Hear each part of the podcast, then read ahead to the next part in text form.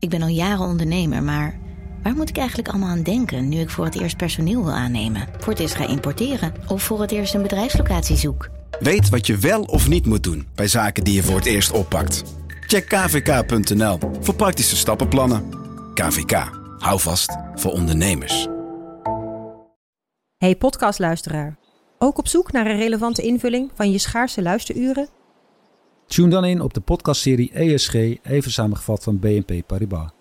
Wij, Marloes en Aldert, spreken daar duurzame voorlopers en wereldverbeteraars. Waarover dan? Nou, bijvoorbeeld of we ooit duurzaam kunnen gaan vliegen. En waarom koeien in de stad nou een goed idee is? Dat en meer elke twee weken in een nieuwe aflevering. Dus abonneer je. ESG, even samengevat.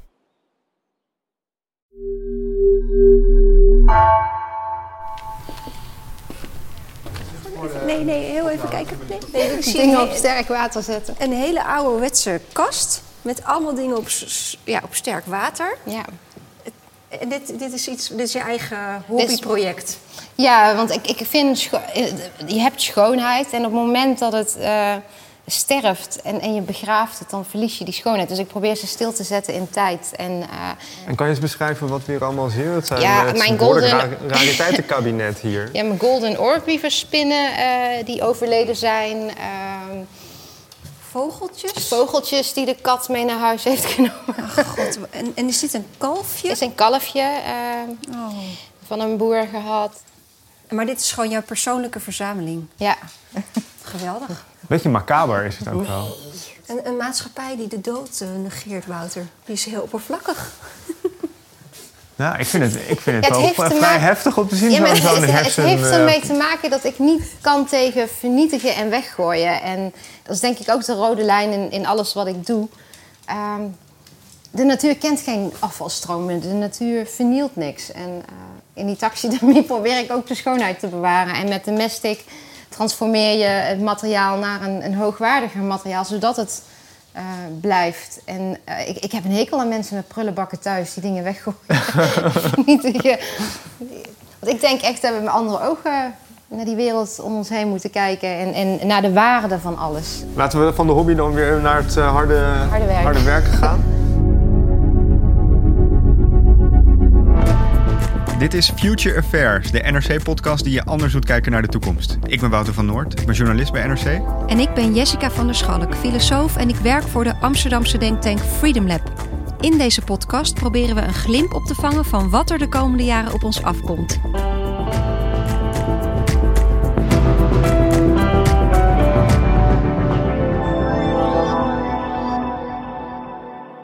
Yes, we mochten weer eens buiten spelen met Future Affairs, hè? Ja, we zijn naar Eindhoven gegaan, naar de Bio Art Village. Ik vond het een heel bijzondere plek en het deed me ook een beetje aan een kinderboerderij denken. Wel een bijzondere kinderboerderij dan, waar, eh, vind ik, veel interessante dingen gebeuren. Eh, vooral op het snijvlak van techniek, natuur, cultuur. En ik vond eigenlijk een beetje dat die Bio Art Village te onbekend was. Ja, er gebeuren wel heel aparte dingen. Zo hebben we een boom gezien die als zendmast kan worden gebruikt. En bijvoorbeeld ook een soort schilden van woestijnkevers... die dan als inspiratie werden gebruikt voor wateropvangtechnieken. En we spraken daar met de oprichter, eh, Shalila Essaidi. Zij haalde de laatste jaren al de wereldpers met eh, onder meer een kogelwerende huid gebaseerd op spinnenzijde. En ze deed diverse onderzoeken in Leiden en Oxford onder andere. Ja, en wat ze voor mij echt eh, heeft gedaan is mijn blik kantelen. Want met heel concrete projecten tapt ze in op de intelligentie van de natuur... die ja, in miljoenen jaren evolutie is opgebouwd. En volgens Shalila kan haar andere blik op de natuur zelfs een heel nieuw tijdperk inluiden. Eh komt straks na het Anthropoceen het Symbioceen. Nou, voorlopig nog niet, denk ik. Maar eh, ze gaf ons in ieder geval al een mooie rondleiding langs al haar projecten die dat mogelijk moeten maken. Want waarom hebben we het eigenlijk zo vaak over kunstmatige intelligentie in plaats van natuurlijke intelligentie?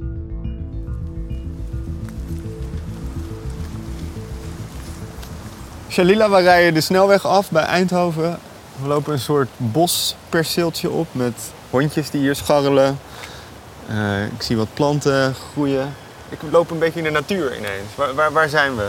Ja, jullie zijn nu bij BioArt Village en hier run ik BioArt Laboratories.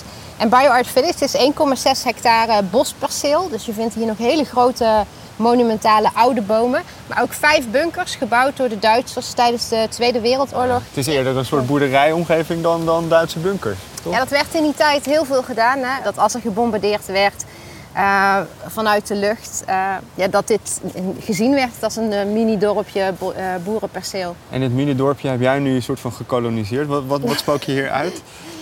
Ja, dit is een, een, een broedplaats, een kweekvijver, waarbij we internationaal toptalent ehm, eh, laten creëren op het snijvlak van biotechnologie, creativiteit, maar altijd met natuur als rode draad of als inspiratie ja, om Dus- oplossingen te creëren. Dus technologie en natuur samen. Dat gebeurt hier. Ja, en cultuur. En cultuur ook nog. Ja. Nou, laten we kijken dan.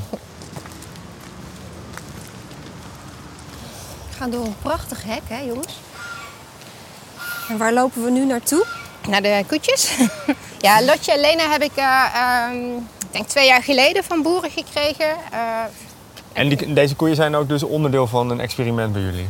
Ja, Lotje en Lena die produ- produceren koeienmest. En die koeienmest die zet ik in het laboratorium om tot eh, cellulose afgeleide, dus tot een, een pulp. En met de cellulose pulp kun je een draad eh, creëren. Eh, dat, die draad kun je dan gaan verwerken tot een textiele lab. En op die manier kun je dus kleding produceren van, van koeienmest. Kleding uit poep. Ja, ik ben daarmee gestart in 2015. eh, eigenlijk als, als een uitdaging van een aantal ambtenaren. eh, van, ja, we hebben een mestprobleem, kijk eens wat je daarmee kan doen. Nou, ik ben toen naar, eh, naar eh, boer Hans Huibers gegaan. Eerst een emmertje koeienmest gehaald. Eh, dat emmertje dat neem je mee naar het lab. En daar kom je achter dat het dus heel rijk is aan cellulose. En dan ga je nadenken, waar gebruiken we allemaal cellulose voor in de samenleving? En dan denk je aan papierindustrie, karton, bouwmateriaal, maar dus ook de textielindustrie. En ehm, wat we nu doen, eh, het zijn vooral de lage lonenlanden, China, eh, India, eh, waar de textiel geproduceerd wordt. Er worden hele velden, hele bossen weggekapt om katoen, katoenplantages in te richten. Terwijl je hebt koeienmest en dat wordt overal gezien als een afvalstof. eh, waar het gewoon verbrand en vernietigd wordt. Dus op deze manier introduceer je iets wat een afvalstof is als een nieuwe grondstof. Maar deze koeien die kunnen volgens jou bijdragen aan het oplossen van echt hele grote wereldproblemen. eh, Dus. Ja, de dingen die wij vaak als problemen zien, eh, dat zijn vaak ook gewoon de oplossingen die we hebben. We moeten er alleen met andere ogen naar kijken. Nou, laten we dan nog meer oplossingen bekijken. Kijk, dit is, dit is het eh, werk van een van onze talenten wij, wij, eh, over de kevertjes en de woestijnplantjes. Shakira Yassat is een van onze talenten. En ehm, in het lab heeft zij onderzocht hoe woestijnplantjes, bepaalde woestijnplantjes en kevertjes eh, ja, water winnen in droge omgevingen. Zij komt zelf uit Zuid-Afrika, dus heeft de grote droogtes eh, eh, meegemaakt. En, En wat zien we? Kan even ja, je ziet beschrijven? eigenlijk een structuur die ze afgekeken heeft ehm, van die woestijnplantjes en kevertjes. En die heeft ze toegepast in de arch- architectuur. Dus deze structuur kun je dadelijk eh, eh, op gebouwen gaan toepassen om eh, dauw, eh, regen op te vangen. Ja, dus dit is de, de plaat die nou, is een, paar, een paar meter bij een paar meter. Dat is het resultaat van heel nauwkeurig kijken naar keverschilden. Hoe zijn die opgebouwd? Welke structuren gebruiken die om water vast te houden? En dat plak je hier op de gevel om ook water op te vangen. Ja, en volgens mij heeft in Zuid-Afrika al projecten lopen waar het echt al toegepast wordt eh, op gebouwen. In droge gebieden, in droge om, eh, gebieden water, om te water te winnen. Dat is ook weer een heel mooi voorbeeld van die natuur die Ja. dus al veel intelligenter is dan wij misschien soms wel denken. Ja, ik denk dat wij echt beter om ons heen moeten kijken. Zo'n kevertje, daar stappen wij zo overheen. Eh, terwijl als je toch wat dichterbij gaat kijken... en dan kijkt naar de problemen waar wij hedendaags mee te maken hebben... Ja, de oplossing ligt gewoon voor je neus. Alleen, je moet hem vertalen en je moet hem toepassen. Zullen we even naar binnen gaan hier? Ja, dit is dus het hoofdgebouw, de officiersmes. Zo, in ieder geval droog hier. en, het, en het galmt hier meteen ook Ja. wat meer. Nou, we kijken nu naar buiten, naar, naar die bomen. Daar staan inderdaad een soort van speakers staan daarop. Wat, wat is dat dan precies? Ja, Tree Antenna is een project waarbij we dus natuur en technologie integreren. Dus natuur wordt onderdeel van technologie. En Tree Antenna werkt op de sapstromen van een boom. En dan kun jij zenden en ontvangen over de hele wereld zolang jij maar een boom hebt. Wat kan je ermee horen of opvangen? Radiogolven, dus op de 20 en de 40 meter band eh, heb je geen vergunning nodig. Ik werk ook met radio's en amateurs. Maar dan mag je ja, met andere mensen communiceren. En heeft u een vergunning? Ja, ik heb een vergunning. En zouden we kunnen proberen om contact te maken? Dat kan. Papa Echo 1, Kilo Echo Hotel. Papa Echo 1, Kilo Echo Hotel. Is dit codetaal? Dat zijn mijn roepletters. Dat is mijn naam als radioamateur. Papa Echo 1, Kilo Echo Hotel. Papa Echo 1, Kilo Echo Hotel. Deze bomen kun je gebruiken als antennes als je Ja. daarop inplugt. Ja, want je ziet hier eigenlijk zijn het... ehm, je hebt wel een grote boom nodig. Hè? Ja. Je kunt dat niet met een klein appelboompje Ja, want die- gaan die gaat proberen. de lucht in. Nee, nee je hebt wel eh, ja, een rechte boom nodig eh, die, ja, die flink hoog is. En Amerikanen hebben het destijds geoctrooieerd. Maar dat, dat octrooi hebben ze laten varen. Omdat zij geen invloed hebben op de omgevingsfactoren. En op de natuur. Hè, hoe een boom eh, zich wenst, hoe die groeit. Ehm, maar dat werd gezien destijds dus door hun als een probleem. En eh, wij zien dat nu eigenlijk weer als een, ja, een oplossing. Want op deze manier geef je mensen die bijvoorbeeld restricties hebben op communicatie via internet of via radio. Die kunnen heel simpel, eh, waar ook ter wereld, eh, met een rolletje koper, een transistorradiootje, alsnog hun boodschap eh, zenden en ontvangen. Je hebt ons allemaal verschillende soorten experimenten laten zien. Wat, wat is de rode draad hier doorheen? experiment, onderzoek, nieuwsgierig zijn, de verbinding zoeken tussen technologie, natuur, creativiteit. Vandaag de dag bezig zijn met de oplossingen van de toekomst. En er is zoveel moois eh, en intelligentie in de natuur. En ik denk dat we dat echt moeten gaan integreren. eh, ja, om die echt duurzame oplossingen te creëren. Eh, een symbioseen. Symbioseen. Je gooit Ja. al meteen even een grote term eh, erin. Wat is dat? Ja, symbioseen ehm, is de theorie die gaat over de integratie van natuur, technologie en mens. Eh, dat we dat niet meer als losse eilanden moeten zien, maar dat de toekomst echt ligt in, in projecten zoals Tree Antenna, waarbij die natuur integraal onderdeel is eh, van, onze, van ons leven, van onze samenleving. Zodat het ook weer zijn betekenis en waarde krijgt. Want wij zien natuur eh, vandaag de dag, de meeste, toch als een omgeving, ja, ga even picknicken of even naar buiten.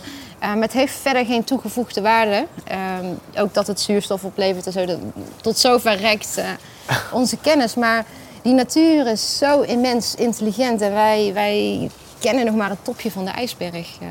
Nou, zullen we dat, dan die rest van de ijsberg ook nog even verkennen hier? En zullen we hier dan naar binnen gaan? Zo. De hond komt Ah, mee met ons.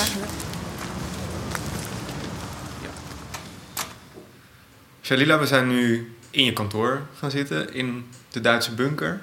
Eh hondje is meegekomen, we horen nog op de achtergrond wat, wat hanen kraaien. Ehm, er is één term die je net noemde bij de rondleiding, eh, die mij heel erg opviel, symbioseen. En ik weet wel, we leven in het antropoceen, dus het, het geologische tijdperk waarin de mens een soort vormende kracht is geworden van de aarde. Ehm, wat is dan het symbioseen precies? Ja, het symbioseen is eh, van een filosoof uit Australië, eh Glenn Elbracht. Die heeft een aantal boeken geschreven. En eh, hij zegt dat we toe moeten ook naar een nieuwe woordenschat. De manier waarop wij communiceren over de wereld om ons heen. En ehm, onze rol daarin.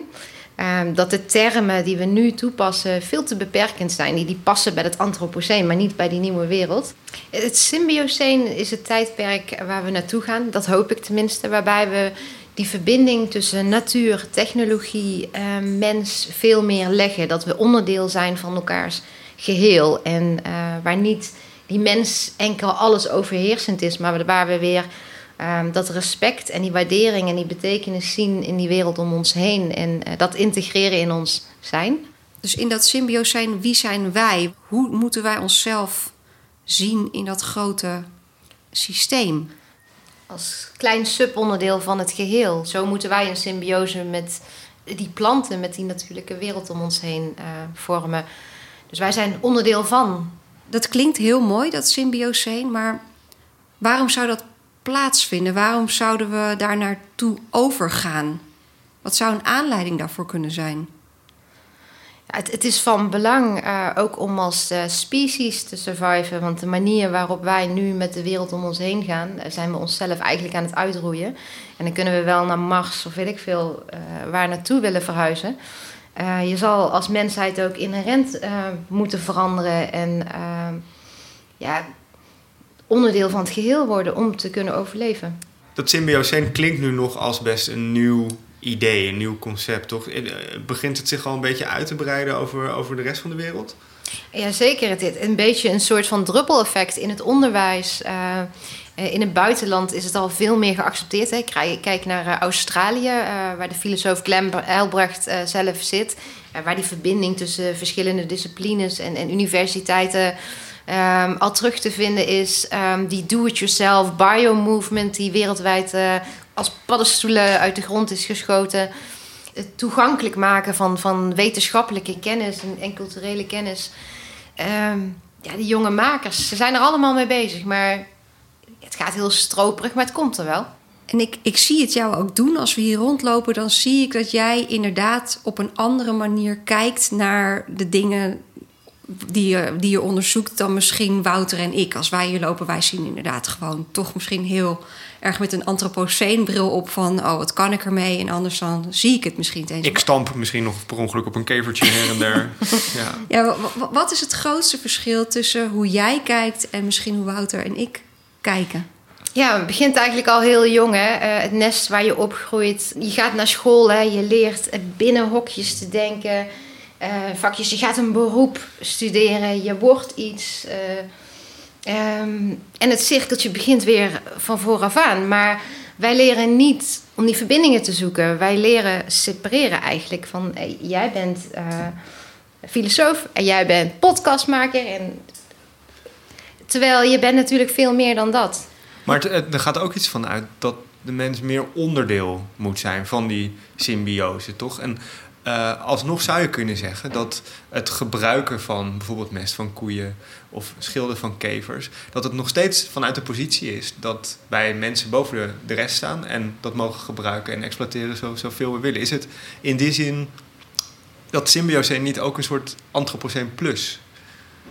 Ik, ik zie het de tijd waar we nu in zitten meer die kinderstapjes. Ehm, dat we als kleine peuters aan het groeien zijn naar dat symbioseen, waarbij werkelijk alles verbonden is. Um, met mestik bijvoorbeeld, inderdaad, dat is heel erg antropoceen gedacht. Hè? Uh, we geven de koeien uh, meer cellulose, dus je hebt meer cellulose uitpoet. Dus dat kun je in de textielindustrie gebruiken. Um, maar dat zijn de kinderstapjes, want het gaat ook om systeemveranderingen. Want op een moment dat een boer kan gaan verdienen op zijn mest en het niet ziet als een afvalstroom, hoeft hij minder melk te produceren. Dus heb je minder koeien, dus minder intensieve veeteelt nodig uh, om iedereen te kunnen voorzien. En zul je op de langere termijn ook uh, ja, minder dieren op grotere oppervlaktes uh, kunnen houden. Dus het zijn echt kinderstapjes naar de toekomst. Maar uiteindelijk dus wel naar echt iets anders dan wat we nu aan het doen zijn, namelijk de mens boven de natuur. Ja, ja wij zijn niet alles overheersend en dat heeft corona denk ik nu ook wel aangetoond. En dat symbioseen, hoe maak je dat dan precies concreet? Ik zie hier bijvoorbeeld een soort potje staan met water en is het kroos of een soort plantjes? Ja, dat is dus Azolla. Azolla is een watervarentje. En het is een heel bijzonder plantje, want het is verantwoordelijk geweest voor onze ijstijd. Want Azolla uh, kan heel veel stikstof en CO2 uh, eh, opnemen. En dat doet ze in symbiose met een cyanobacterie. Hier komt dat woord symbiose weer terug van het symbioseen. Um, in de natuur zijn heel veel symbioses die elkaar versterken. Uh, in het oplossen van problemen. En, en, dan kan je dus dit plantje laten groeien en woekeren om CO2 uit de lucht te zuigen. Ja, het plantje heeft nog meer mooie eigenschappen. Het is het plantje wat de meeste biomassa kan produceren, dus het snelst groeiend plantje. En het is ook nog rijk aan eiwitten. En ja, wat we eigenlijk met die azolle aan het doen zijn, is een pilot met de Brainport Industry Campus en uh, nog een aantal partners hier regionaal. Daar gaan we op de waterretentie naast uh, de autosnelweg uh, azolla uitzetten. Uh, om metingen te doen hoeveel CO2 en stikstof deze azolla aan zich kan binden. Om het later ook eventueel te gaan toepassen bij Eindhoven Airport. Ja, ik, ik, ken de papers over, het ijs, over de ijstijd niet helemaal uit mijn hoofd. Ik kan me voorstellen dat dat een heel complex geheel is van hoe dat is ontstaan. Maar wat jij zegt hier over dit plantje is natuurlijk heel groot ook. Dat het, het een van de grootste problemen van deze tijd, namelijk CO2, uh, uit de lucht kan zuigen. Ja. En dat het eiwitten kan leveren die vlees kunnen vervangen. Wat ook weer een grote bron is van vervuiling en ellende. Precies, en, en dit is ook weer zo'n prachtig voorbeeld wat je in de natuur kan vinden, waarin een symbiose. En doordat wij er net met andere ogen naar kijken, het ook weer met onszelf kunnen verbinden. Om bij te dragen aan, aan die totaaloplossing. Dus die gesloten circulaire systemen op langere termijn. Al moeten we dit natuurlijk wel gecontroleerd gaan doen met drijvende kassen. Uh, want je wil ook niet dat dit plantje uh, dadelijk voor een tweede ijstijd uh, zorgt. Dus alles ook weer in balans met elkaar. Dus wat met een heel klein beetje kroos watervarensachtig plantje begint, eindigt bij jou ook weer met hele grote ideeën over wereldproblemen oplossen. Ja, een beetje net als hier in het lab. Je kijkt door een microscoop naar iets miniatuurs en je weet die schakelingen te maken en vertaalslag naar ja, die, die wereld om ons heen en daar weer de verbindingen zoeken. Maar wat ik ook hoor in jouw verhaal, zeker als je zo'n klein plantje noemt, die zo'n gigantische rol heeft gespeeld in onze eigen geschiedenis ook. Uh, dat doet me bijvoorbeeld ook denken aan een boek wat ik laatst las. Dat heet The Life of Plants van een filosoof die heet Kotja. En die vertelt bijvoorbeeld dat uh, een heel belangrijk moment in onze eigen geschiedenis was dat planten zuurstof gingen produceren.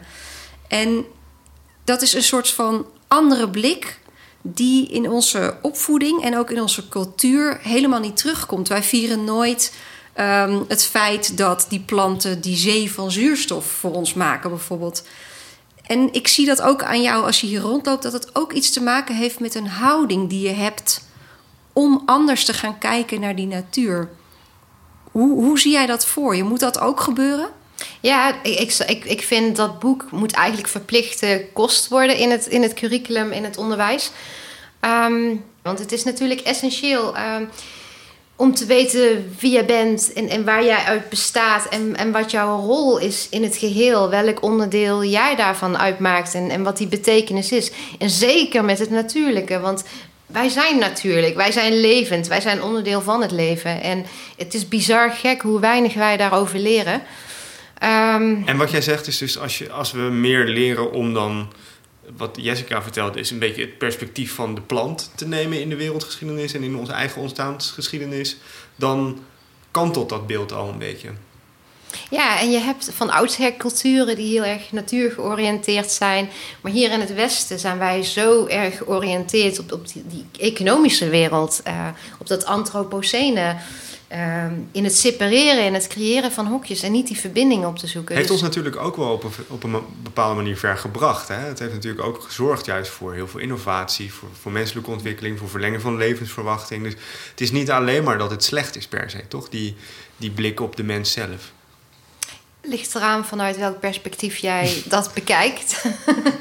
um, het, het, heeft veel gebracht in het perspectief van uh, hoe houden we die economie draaiende. Nou, maar ook ehm, wel meer, meer dan dat. Ook, ook menselijk welzijn. Het feit dat ik een kind heb wat waarschijnlijk niet voor zijn eerste overlijdt, is best winst. Ja, natuurlijk. En dat hangt daar wel een beetje mee samen met die nee, houding ook. Toch? Uiteraard. Maar dat is het stukje wetenschap geweest. We zijn te ver doorgedreven. Um, in dat economische. Het is de tijd van de, eh, de penicilline, de antibiotica, al die mooie ontwikkelingen. Ja, daar zitten we nou niet meer in. Hè. Dingen zijn veel specialistischer, veel meer ingebokst. En het is eigenlijk alleen nog maar winstgedreven. Dus die hele verbinding uh, met die wereld om ons heen, met die natuurlijke wereld, die zijn we totaal kwijt. Want, uh, hoe komt jouw fascinatie voor dit onderwerp en dit thema en deze, deze van. Waar, waar komt het vandaan? Wat voor meisje was jij? Ja, een heel nieuwsgierig meisje. Eigenlijk meer een meisje-jongen. Um, je was speelgoed uit elkaar aan het trekken. En, en uh, muizen die de kat mee naar huis had gehaald uit elkaar halen. Een meisje wat... Uh, ja, gewoon een discussie starten met een, een, een, stamcelwetenschapper van hoe ziet dat er dan in de toekomst en hoe werkt het dan? En, uh, ja, en dan, ja, ik heb ook best veel gespijbeld tijdens mijn middelbare schooltijd. Want wat ik niet in mijn eigen school of tijdens mijn eigen opleiding aangeboden kreeg, ging ik elders zoeken. Dan ging je maar bij een bedrijfje een mini-stage lopen of met de boer meedraaien of, of, of whatever. Uh, en na de middelbare school? na de middelbare school, uh, ja, ik, ik kwam dus uit een vrij gezin. En, en, en ik had een vader die zei van zorg dat je op eigen benen gaat staan. Dat je van geen één man afhankelijk bent. Uh, ga vooral studeren, ga de wereld onderzoeken, ga ontdekken. Maar ga niet tatoeëren. Dus ja, wat doe je dan? dan begin je een eigen tattoo-salon. Want ik was creatief ook nog wel handig. Dus ja, toen ben ik ondernemer geworden. Dat heb ik een aantal jaar gedaan, maar ik werd daar ook heel ongelukkig van. Want op een gegeven moment kreeg je een tijdperk waar je eigenlijk een beetje plakplaatjes bij iedereen op de onderruggen. En, Die mooie geweien en tribals. en, eh, ja, dus dan... En dan word je ook een beetje een kapsalon dat je de hele tijd dat getetter en dat geroddel... eh, en daar werd ik doodongelukkig van. Toen heeft mijn vader me gelukkig daar weggehaald. Die zei van, dat moet je niet meer gaan doen. Eh, Ga dan de kunstacademie doen. Dan kun je ook je creativiteit kwijt. Want het leukste wat ik vond is als je iets nieuws mocht ontwerpen. Dus niet die plakplaatjes. Nou, op de kunstacademie eh, dacht ik, oh, daar ga ik helemaal passen. Want dat, eh, dat zit vol met buitenbeentjes.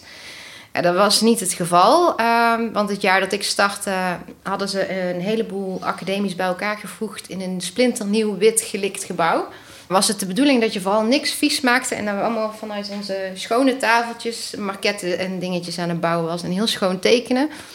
Nou, dat was niet aan mij besteed, want ik vond die gebouwen verschrikkelijk, die betonnen blokken. Maar ik vond het veel interessanter, al die bomen die daar eh, gekapt waren. En die wortelstructuren die boven de grond kwamen. Dus dan sleep je zo'n... ehm, een boomwortel mee, mee naar binnen en laat je een heel zandspoor achter. En dan kun je weer melden bij de directeur. En dat was gelukkig een toffe man. En eh, ja, die raden me ook allemaal boeken aan over macht en tegenmacht. En, en, eh, Dus dat, dat, dat zorgde voor je, je kleurde buiten de lijntjes. En dat zorgde er ook voor dat jij nog verder ging op een soort zoektocht van hoe combineer ik Ja. die kunst en dat creatieve en macht, hoor ik dus ook. En hoe kom je dan bij de combinatie biologie, technologie en kunst? Ja, omdat ik als kind al heel erg geloofde in, in die verbinding. Eh, mijn vader die geloofde ook bijvoorbeeld hè, in de samenwerking wiskunde, scheikunde, eh, fysica. eh, want hij was medisch ingenieur bij Philips. Eh, dus daar waren ze ook al buiten dat boxje aan het denken. Dus als jong kind leer je dat afkijken. En dan denk je ook van ja, maar eigenlijk is alles verbonden. Hè? Is het niet alleen dat domein? En wat ik dan zelf niet in mijn opleiding, bijvoorbeeld op de kunstacademie, kon vinden, ja, dat ging ik overal sprokkelen. Dus Universiteit Leiden, eh, Leuven. Je gaat je verdiepen in de biotech, in, in die verbinding met, eh, met eh, kunst, het creatieve domein, dus de bioart. Ehm, je gaat nadenken over sociaal ondernemerschap. Dus je gaat je weer verdiepen in sociaal ondernemerschap. Maar dat vind je hier in Nederland op dat moment niet. Dus dan moet je naar Oxford. Dus je gaat sprokkelen over de hele wereld om, om al die data, al die stukjes die jij nodig hebt eh, om te kunnen doen wat jij doet. En ook om het ja, te kunnen. En uiteindelijk na zo'n sprokkeltocht kom je hier uit bij het BioArt Village hier in Eindhoven. Ja, en dat is eigenlijk een hele natuurlijke ontwikkeling eh, geweest. Ehm, het, begint voor mij eigenlijk met, met de Golden Orbeaver Spin.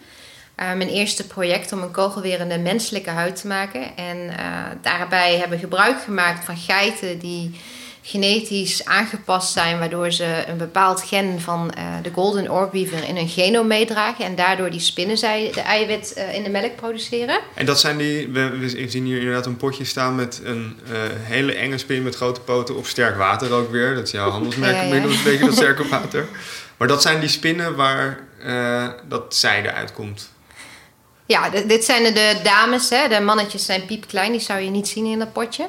Eh, maar deze Golden Orbeaver eh, ja, is eigenlijk ingenieus. Hè, met zijn spinnenretten en het, eh, type draad wat ze weet te maken voor elke toepassing. Het probleem met die spinnen is echter dat ze heel territoriaal, ehm cannibalistisch zijn, in tropische klimaten voorkomen.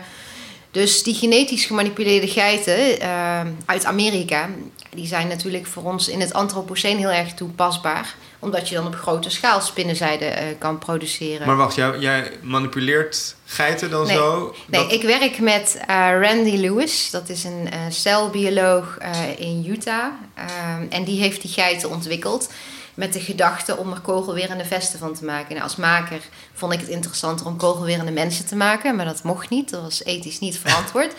dus dan ga je het, het meest haalbare maken. En dat was een stukje van 5 bij 5 centimeter bulletproof skin. Dus met menselijke huidcellen. En om zo'n huid te creëren, ehm, ja, ontstaat er een heel netwerk van, van al die expertises die allemaal vanuit hun eigen belang meewerken. Want voor de dermatologen van het Leids Universitair Medisch Centrum was het super interessant om een nieuwe drager voor huid te, te testen. Voor de NFI was het super interessant om voor het eerst op mens, echt menselijke huid te schieten. Eh, voor Randy Lewis was het interessant omdat hij eigenlijk nog maar theoretisch nadacht over de potentie en eh, de krachten van dat draad. Ja, dus wat begint bij een spin die blijkbaar heel sterk zijde maakt, komt via geiten die zo gemanipuleerd zijn dat ze in de melk datzelfde eiwitje maken, Ja. uit bij een zoektocht die je leidt tot allerlei instituten over de hele wereld. Ja, een, een internationale samenwerking om een bulletproof human skin te maken. En eh, de dag dat we die gingen testen bij het NFI op de schietbaan, eh, waren ook alle partners daar. En dan, ja, iedereen is dan als een kind in, in, in de snoepwinkel. Ehm, iedereen heeft daar zijn eigen belang bij. En theoretisch zou het mogelijk zijn. Maar ja, dan is het helemaal geweldig als het ja, ook in de praktijk eh, werkt. The skin's being used to create a so-called bio-art installation by Dutch artist Jalila Assaidi. She was awarded a European Genetics in Art grant to fund her project. En hoe groeit dan hier zo'n bio-art village uit zo'n idee van de spin? Ja, wat er dus gebeurde destijds, die kogelwerende huid, die werd best bekend. Maar ik kreeg toen ook heel veel mailtjes en, en telefoontjes van andere jonge mensen die ja, zulke ideeën hadden om te gaan werken op snijvlakken. Maar er was eigenlijk eh, hier in Nederland gewoon geen plek om dat te kunnen. Ehm, Zo'n kogelwerende huid heb ik ook kunnen maken doordat ik een, eh, ja, een prijs had gewonnen met geld, 25.000 euro. Nou, voor de wetenschap is dat wisselgeld. Hè. Voor een maker is dat een gigantisch bedrag. Ehm, en het is moeilijk om bij al die instellingen binnen te, eh, komen. Want jij als designer, kunstenaar, wat heb jij te zoeken in een wetenschappelijk lab? Wetenschap is vaak ja, helemaal dichtgetimmerd. Hè? Je weet van tevoren al wat, wat de uitkomst is, als het ware. En het moet een, toepassing hebben, hè? of het moet een mogelijk iets onderzoeken. Terwijl je ehm, als maker eh, helemaal vaak nog niet weet wat de uitkomst is. En ja, die jonge mensen die, die kwamen gewoon nergens binnen. Dus moest er een plek ontstaan als BioArt Laboratories... waar je ze de faciliteiten, de begeleiding en, en de weg leert. Ja.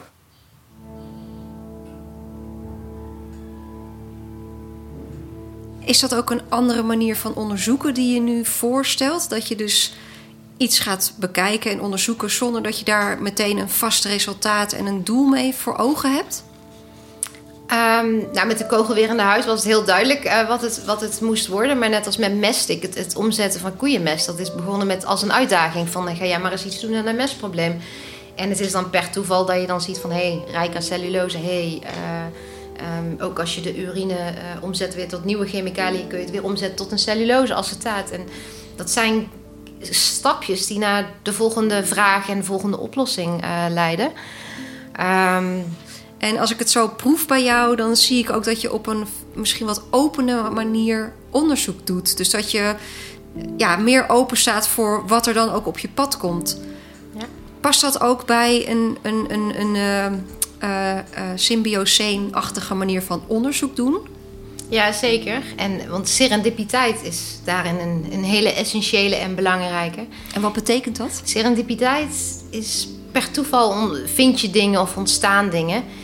En ik geloof heel erg dat we veel dingen veel te dicht hebben getimmerd, waardoor die ruimte er niet meer is. En ja, als je dat weer een beetje vloeibaar maakt, dan, dan komen er weer nieuwe dingen, nieuwe oplossingen, ehm, nieuwe ideeën. Want net met die kogelwerende huid. Het doel was een kogelwerende huid te maken, maar omdat ik hem ook wilde testen, hadden we een ballistische eh, blok nodig. En een ballistische shell wordt meestal van beendermeel gemaakt. Maar als maker wil je dat ook behouden en conserveren. Ja, dus ontstaat daar weer een nieuwe samenwerking met een andere partij, waardoor er een blok ontstaat die nu eh, heel lang houdbaar is.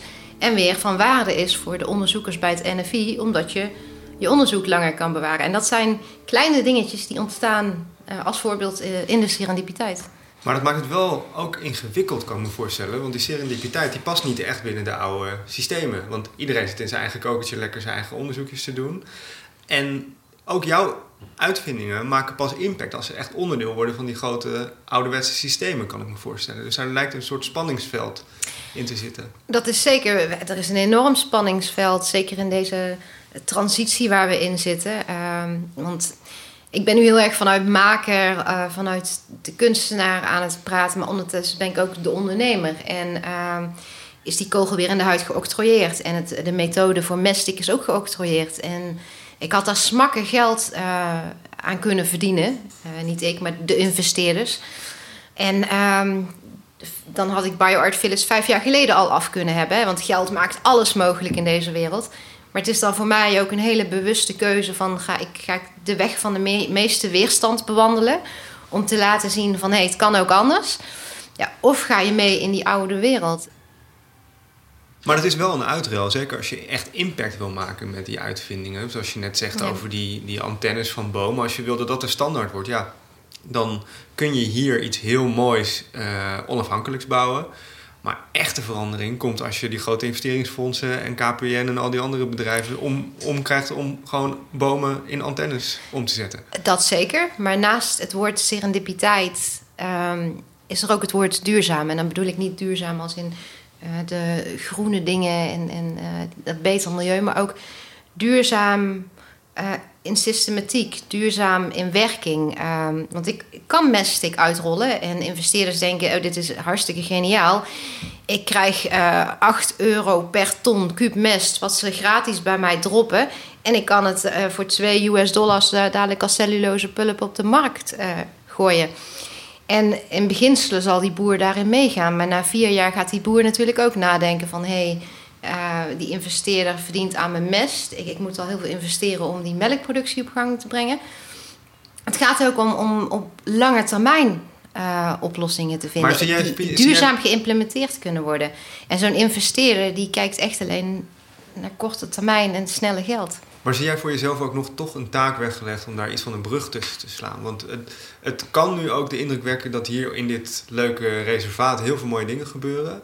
Die nou ja, ook maar moeizaam zullen Ja. doordringen in de echte wereld. En daar, dat, daarmee dat symbioseen een verre toekomstdroom laten blijven. Daar ben ik ook heel hard mee bezig. Dus ik, ik, ik ben eigenlijk normaliter zeven dagen per week bezig. Want je bent constant met die ambtenaren, met die mensen, met de ministers eh, ook in gesprek. Van, hey, ik, ik ben met mestik bezig, maar ik wil dat op een duurzame, verantwoorde manier uitrollen. Maar ja, onze huidige systematieken die zijn erop geënt om heel veel geld te maken. Terwijl we nu in een tijd zitten waar eh, die andere waarden, eh, welzijn, eh, sociaal ondernemerschap steeds meer omarmd worden. Waarbij je met ze mee gaat denken van oké, maar dat systeem is zo ingericht. We zouden eigenlijk een soort van ketenarchitect binnen de politiek moeten hebben om die verbindingen te maken. Want mestik gaat niet over een mestprobleem. Het gaat over textiel. Het gaat over, ehm, ja, over wereldlijke politiek. ehm, want Maar wij het al- gaat, het gaat daarmee ook om hele grote abstracte systemen. Ja.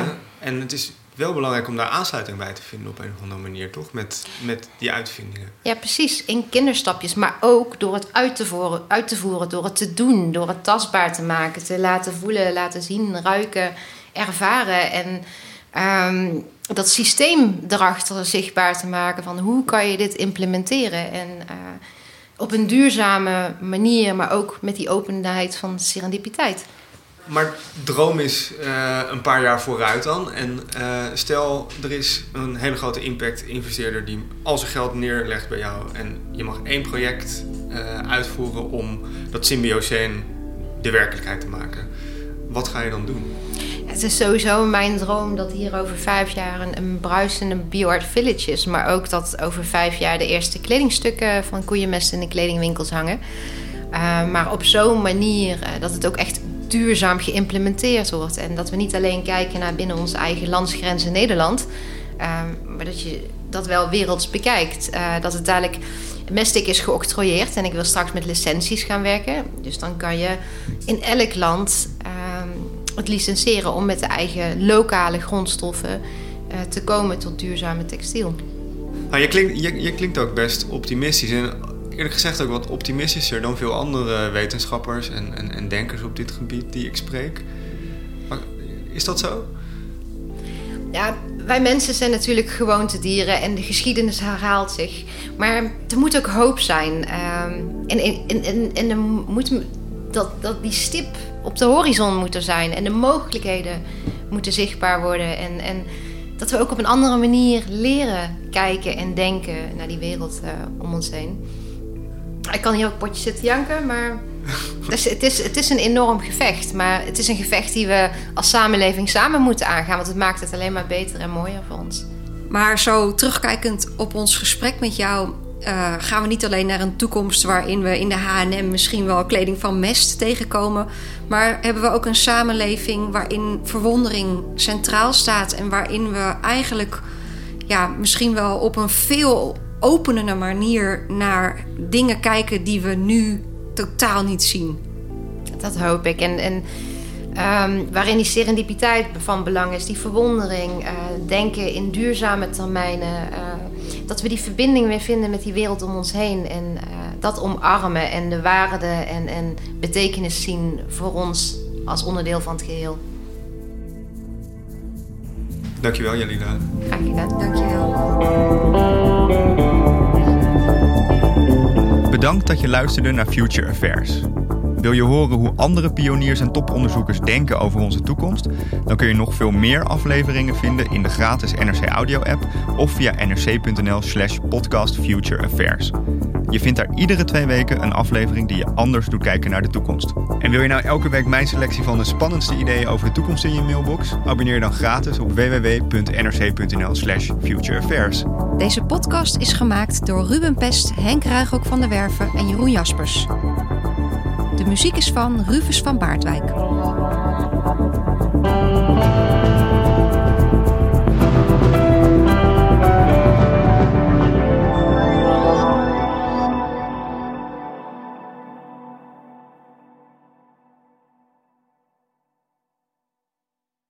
Technologie lijkt tegenwoordig het antwoord op iedere uitdaging. Bij PwC zien we dit anders. Als we de potentie van technologie willen benutten, kunnen we niet zonder een menselijk perspectief. Human-led, tech-powered noemen we dat. Ga naar pwc.nl.